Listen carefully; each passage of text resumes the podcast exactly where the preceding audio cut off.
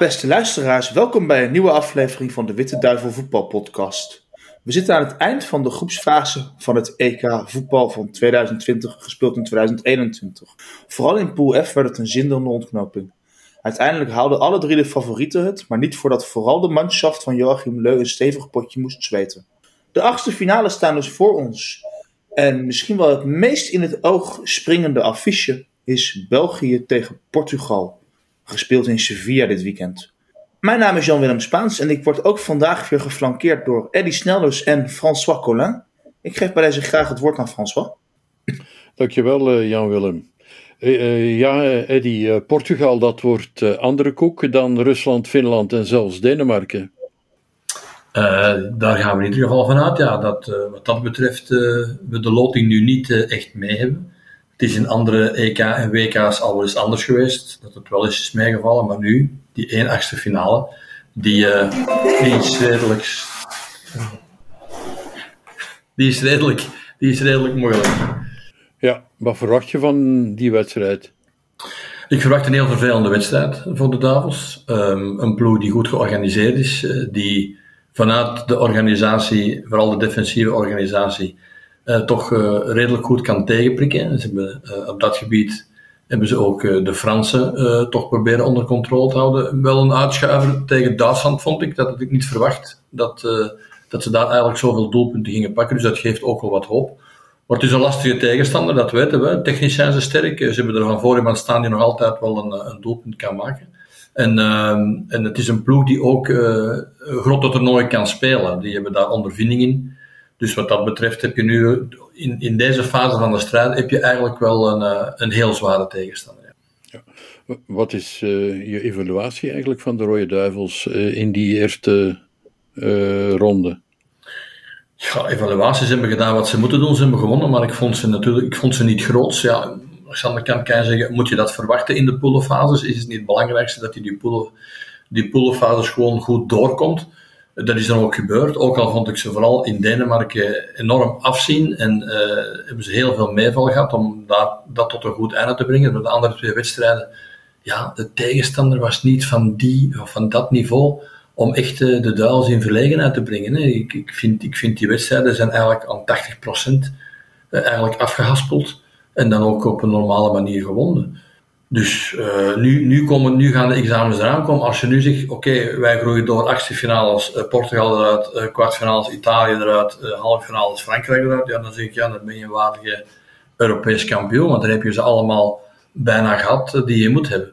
Maar tot nu toe, maar dat was ook zo verwacht, buiten de groepen waar Jan Willem het net over had, al de andere groepen, daar heb je altijd enorm veel kwaliteitsverschil, zeker tegenover de duivels. En dan vind ik het ook maar logisch dat die resultaten die ze nu hebben behaald, dat die er zijn gekomen, eerlijk gezegd. Hoe denk je dat de, de ploeger zondag zal uitzien? Oh, er zijn wat zekerheden uh, en een paar vraagtekens. Hè. Ik zal beginnen met de zekerheden. Dat is Courtois, dat is Alderweireld en Verton. Dat is Meunier en Torgan Hazard, denk ik. Dat is uh, Witzel, De Bruyne. En dat is Lukaku. Dat zijn zekerheden volgens mij.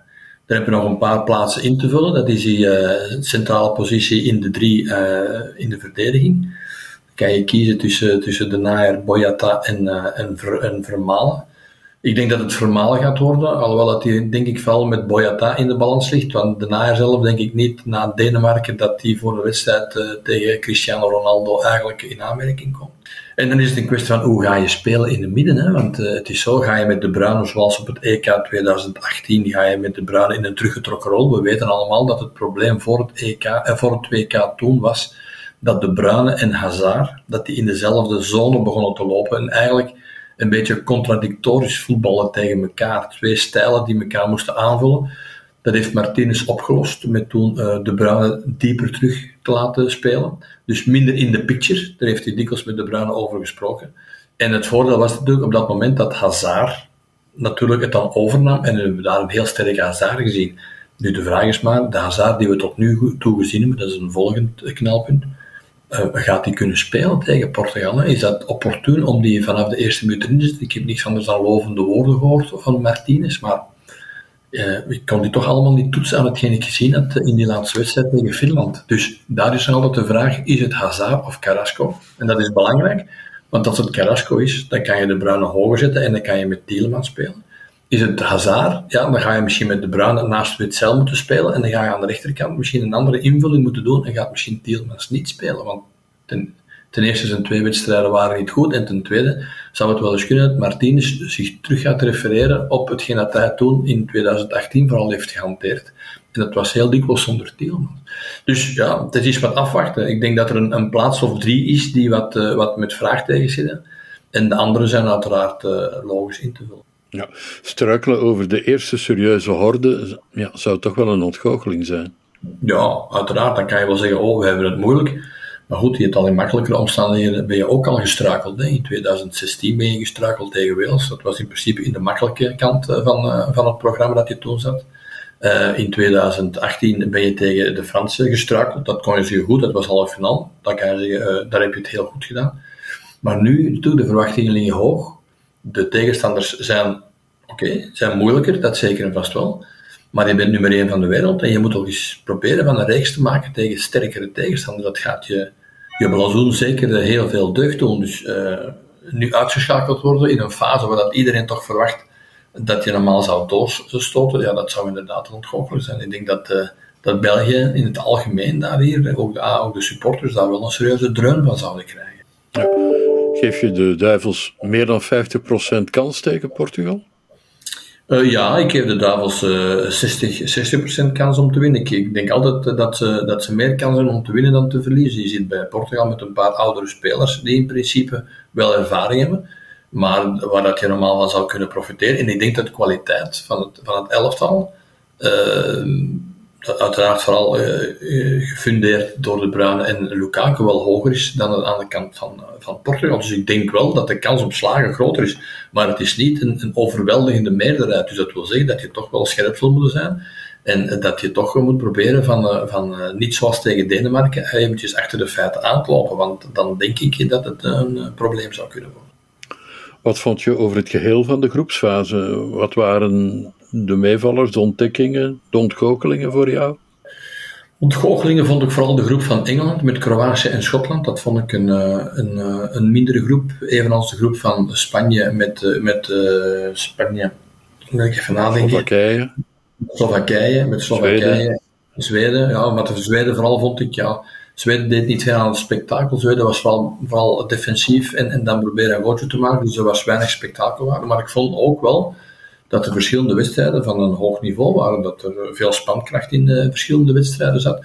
Dat ze ook niet aftastend, de meeste ploegen zijn niet aftastend begonnen met de eerste wedstrijd, maar ook al vanaf de eerste wedstrijd er eigenlijk vol voor gegaan. Ik vond Hongarije eigenlijk, ondanks het feit dat ze eruit liggen, vond ik toch een ploeg met veel dash.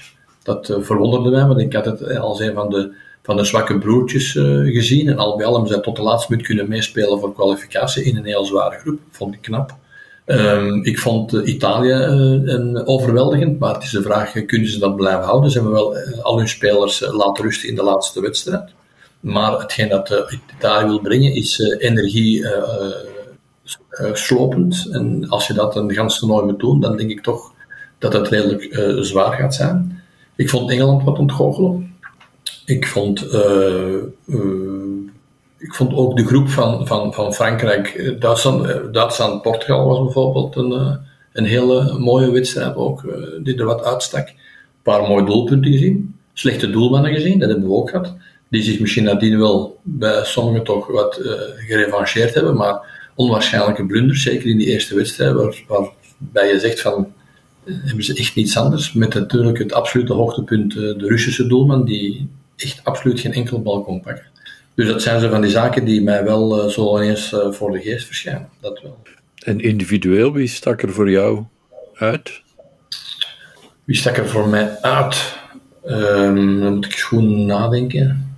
Die Damsgaard vond ik wel een ontdekking. Ja, goed, die heeft eerst, werd, is, heeft, maar dat is toch zoiets. Hè. De Denen hebben dus uh, vooral op het feit van Eriksen gespeeld, maar al wel was het, ja, hoe erg dat ook is natuurlijk, hebben ze geen verzwakking gekregen met Damskaart. Dat was een, een, eh, een verlichting, zeker tegen de Belgen en daarna nog tegen de Russen. Dus die was zeker best goed. Maar om nu te zeggen, er zijn spelers overheersend geweest. Locatelli is, is in de pitch geweest, maar dat was één wedstrijd. In de eerste wedstrijd had ik dat minder, de tweede wedstrijd was hij heel sterk, de derde wedstrijd heeft hij niet gespeeld.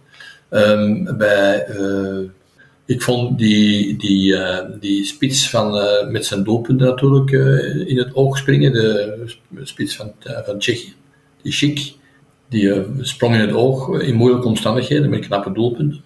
Maar ik moet nu niet zeggen, ik kan nu niet echt zeggen dat er, uh, ja, Goossens in de wedstrijd met Duitsland, dat die uitzonderlijk sterk was. Dat was dan tegen, tegen Portugal geloof ik. Zo wedstrijd dat je zegt van, oh, hier hebben we toch eens eentje die, die er... Maar ik vond bijvoorbeeld uh, Mbappé ontgoochelend, tot nu toe. Er wordt heel veel positief over gezegd en dat is uiteraard ook terecht. Dat heeft hij al bewezen in het verleden, maar ik vond hem nu eigenlijk hier ja, niet echt altijd even sterk moet eerlijk toegeven. Dus ik vind die zal zijn betere momenten nog moeten krijgen. Hoop ik dan toch voor Frankrijk. Uh, Kane moet zijn betere momenten nog krijgen bij Engeland. Dat is ook nog uh, weinig in de picture geweest. Een moeilijke situatie.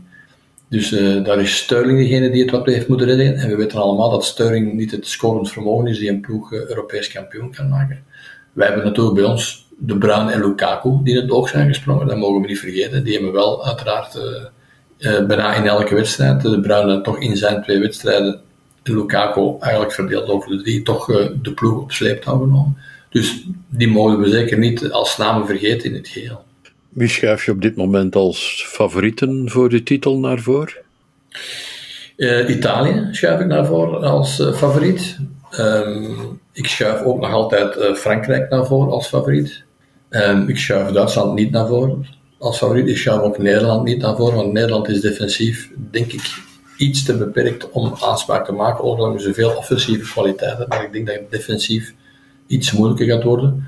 En eh, ik blijf de Belgen, ik ben, uh, ik ben uh, niet anti-Rode Duivel, dus ik schuif de Belgen ook de Rode Duivel naar voren als zijnde kandidaat.